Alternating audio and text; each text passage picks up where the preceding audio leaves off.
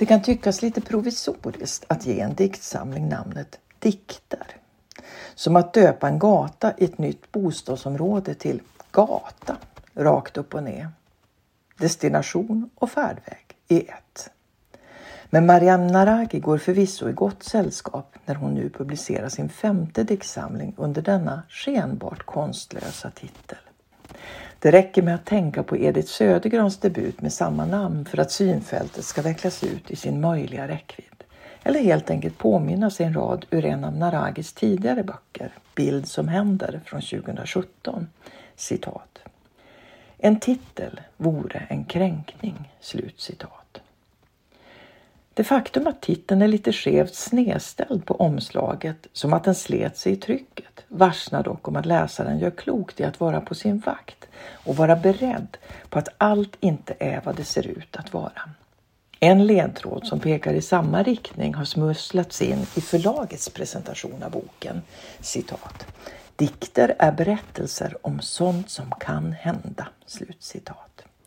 Dikter som berättelser alltså, med fiktionens friskrivningsklausul som finstilt tillägg till den poetiska logiken.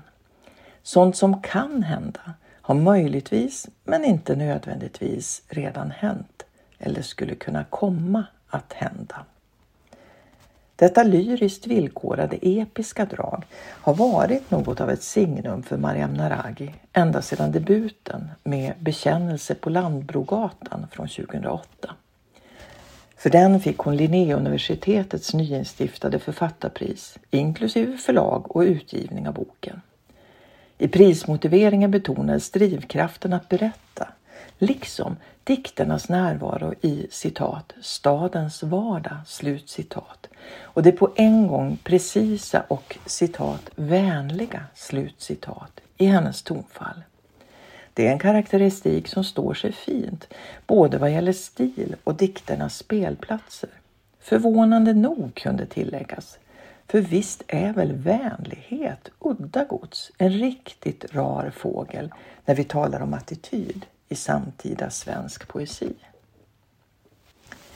Det urbana rummet är åtminstone på ytan mer lättfunnet med tillägg av reservationen att det är ett rum i ständig geografisk rörelseberedskap helt i konsekvens med de erfarenheter av migration och flyktingskap som dikterna ger röst åt. Från Teheran till Oskarshamn till Karlskrona och det alldeles samtida Uppsala som ramar in både den sommarljusa sonettkransen Gottsundasonetterna från 2018 och dikter. Den strama sonettformen ger en annan klangbild än de prosalyriskt hållna nya dikterna. Men jo, den ömsinta blicken, det vänliga tilltalet är en solid klangbotten. Sålunda sluts sonettkransen när den medelålders Faria har lärt sig cykla och erövra ett tempus och ett färdsätt genom Uppsalas gatunät som är citat bara ett nu och ett framom. Slutcitat. I den nya boken kan det istället handla om en kärleksförklaring till de olika golvtyperna i en universitetsbyggnad som för alla utom lokalvårdarna är anonyma underlag för arbetsdagarnas rörelse mellan tanke och görande. Citat. Andra golv vi minns är de av parkett, skugg, doktorandernas arbetsrum. De tre trälamellerna närmast tröskeln slöt aldrig tätt. Tänk allt som fastnade däremellan. Gem, chokladsmulor, garnfragment och alla små pappersrundlar från hålslagaren. Det som inte kom upp på sopskyffeln gled ner genom gliporna och la sig som en rustning över dagmaskarnas ryggar. Slutcitat. Jag tror att vänligheten vilar i just denna tålmodiga omsorg om detaljerna. Allt det till synes obetydliga spill och skräp som alstras ur våra vardagars liv. Under asfalten stranden och under kontorsparketten dagmaskmyllan. Ungefär. Som med det mesta i Naragis poesi måste man därför gå under och mellan fasta kategorier och lyriska format för att hitta in till det där som citat kan hända. Slutcitat.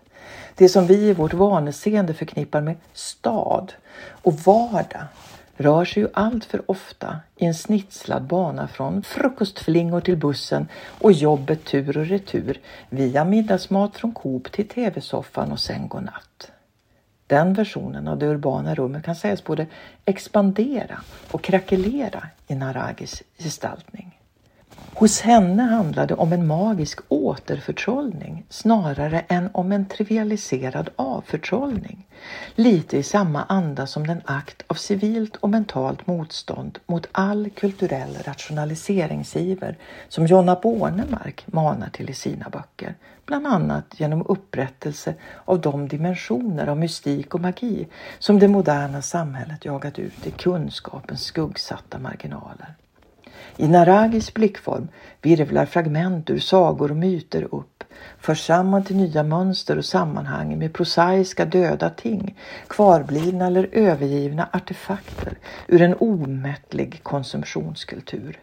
Glimret och den kaleidoskopiska rörligheten fungerar som en poetisk animationsteknik där vackra brottstycken av natur spirar fram på de mest oväntade fulplatser. Som när det bästa utrymmet för drakflygning hittas utanför återvinningscentralen. Citat. Vi tog bilen till återvinningscentralen för dess parkering är vackrare än något fält vi vet. Alla de där glittrande komponenterna som krasar under sandalerna. Plastpåsar och kapsyler virvlar runt vår vän. De har smitit från sina kommande liv." Slutcitat. Och plötsligt kan man finna sig stå i en glänta, inte i någon tranströmmersk skog, utan i gymmet intill raden av trapp, cykel och roddmaskiner. Citat. Bortom allt det, längst bort, finns en sal. Slutcitat. Mellan spinningcyklarna frigörs en aning om en hemlig rodeomanege.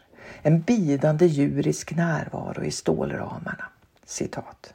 Spinningcyklarna står så tätt att hornen nästan snuddar vid varandra. De väntar på nästa gång diskokulan ska kasta glitterstänk och deras smala sadlar ska vätas av ryttarnas ljumsk svett. Slutcitat. Omvänt finns ett vilande poesiskikt, en inkapslad väntan i naturlandskapet, nästan som ett humuslager, en komposit av alla ord och bilder som ännu inte funnit vägen in i dikterna, eller är på rymmen från en annan, redan skriven och färdigtänkt bok. Citat. På väg tillbaka till lägenheten ser vi att någon har spänt upp lakan mellan tallarna Färdigtänkta tankar, drypande av metaforer, de vajar sakta i det tilltagande mörkret. Vi försöker lista ut varför de hänger just i den här skogen och vems säng de tillhör. Till slut ger vi upp och går vidare mot huskropparna där lampor har börjat tändas bakom persiennerna. Kanske är de inte tänkta att ligga mellan, säger du. Kanske kommer de direkt från en annan diktsamling. Slutcitat. Här kan möjligen en liten kritisk udd anas, riktad mot den metaforstinna högmodernistiska svenska poesin som i de nämnda Tranströmerska skogsgläntorna. Dock utan att förlora sitt fäste i det vänliga tilltalet, buret av ett tillitsfullt och samstämt vi. Här precis som i flertalet dikter.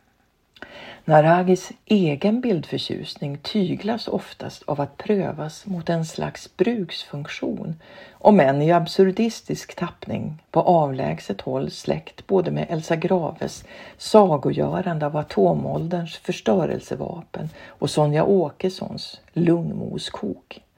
Bara med den avgörande skillnaden att satiren mot den svenska folkhemskheten hos Naragi aldrig låter sig placeras på ett familjärt armslängds avstånd. Den tar sig istället uttryck i ett subtilt men ofrånkomligt utanförstående. Som när nationaldagen firas genom kollektiv luskamning. Eller som det heter i inledningsdikten, att bilden av Sverige måste klippas fram som en klippdocka ur en gammal veckotidning. Citat. Nu klipper hon fram dina händer, din mun. Du är hennes land och du ler mot oss. Hon klipper fram ditt namn nu. Slutcitat. Det är något med just saxarna och klippandet som både söndrar och håller ihop diktsamlingens tre avdelningar. I händerna på flickan som klipper ut sitt Sverige, komplett med gummistövlar på trappan till ett gult trähus och en älskad saga som sällskap, blir saxen verktyg för en längtan efter det som förblir utom räckhåll, inte helt olik den berömda öppningsscenen i Virginia Woolfs Mot fyren där lillpojken James sitter vid sin mors fötter och klipper ut önskesaker ur en postorderkatalog. En möjlig stund på jorden innan rationaliteten släcker drömmarnas glansbilder. I del två slipar Naragi saxgreppet ännu vassare och låter Edward Scissorhand stå bland molnen ovanför ett IKEA-varuhus och klippa snöflingor ur minnesskummet ur kudden Vitsippa och avslutar med en kombinerad inventarieförteckning och bruksanvisning för saxar. Citat. Det finns så många saxar. Nagelsaxar, kökssaxar, hårsäckar, pizzasaxar, barnsaxar, mammasaxar, ballongsaxar. Varje gång du bläddrar igenom en Ellos-katalog andas en sax mjukt i din varma hand. Och varje gång du vänder bort blicken gör saxen sitt viktiga jobb. Slutcitat. Något har saxarna möjligen också att göra med det pågående letandet efter härvtrådar till berättelser, citat, om det som kan hända, slutcitat, insmusslade under de numrerade rubrikerna Försök, som en smula förbryllande bladas in utan genomskådlig inbördes ordning i de tre avdelningarna. Nummer 2, 4, 5 och på sista sidan nummer 1. Nummer 3 finns inte alls. Ett försök handlar om minnet av en sönderälskad biblioteksbok. Ett annat visar en spegelglimt av en tonårspojke som målar mascara på ögonfransarna och sedan försvinner. Citat. Någon del av berättelsen slinker alltid iväg som den alldeles för smarta tonåring vi aldrig var. Slutcitat. Ytterligare ett handlar om omöjligheten att berätta en brottsplats, en dom, ett straff, att rätt beskriva skammens sorgkanter under naglarna. I det sista försöket, som alltså numrerats som det första, faller saxskuggan på nytt över raderna när berättandet transformeras till sömnad och skrädderi. Citat.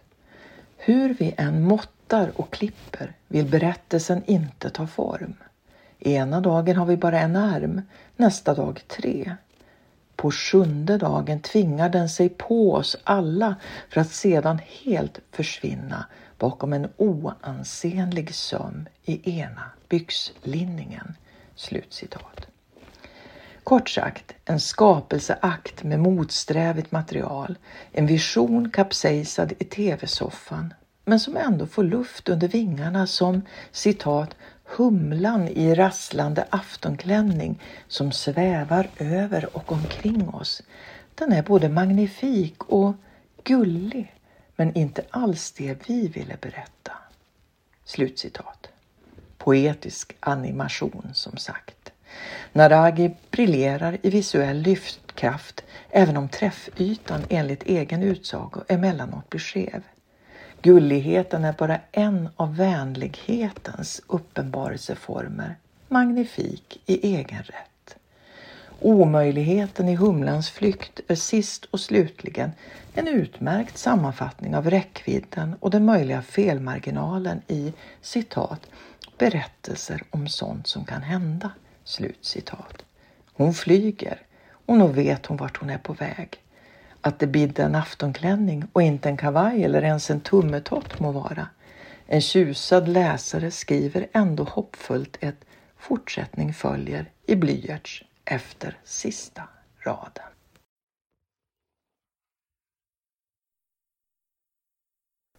Den här recensionen är originalpublicerad på www.ornenochkrakan.se under ansvarigt utgivarskap.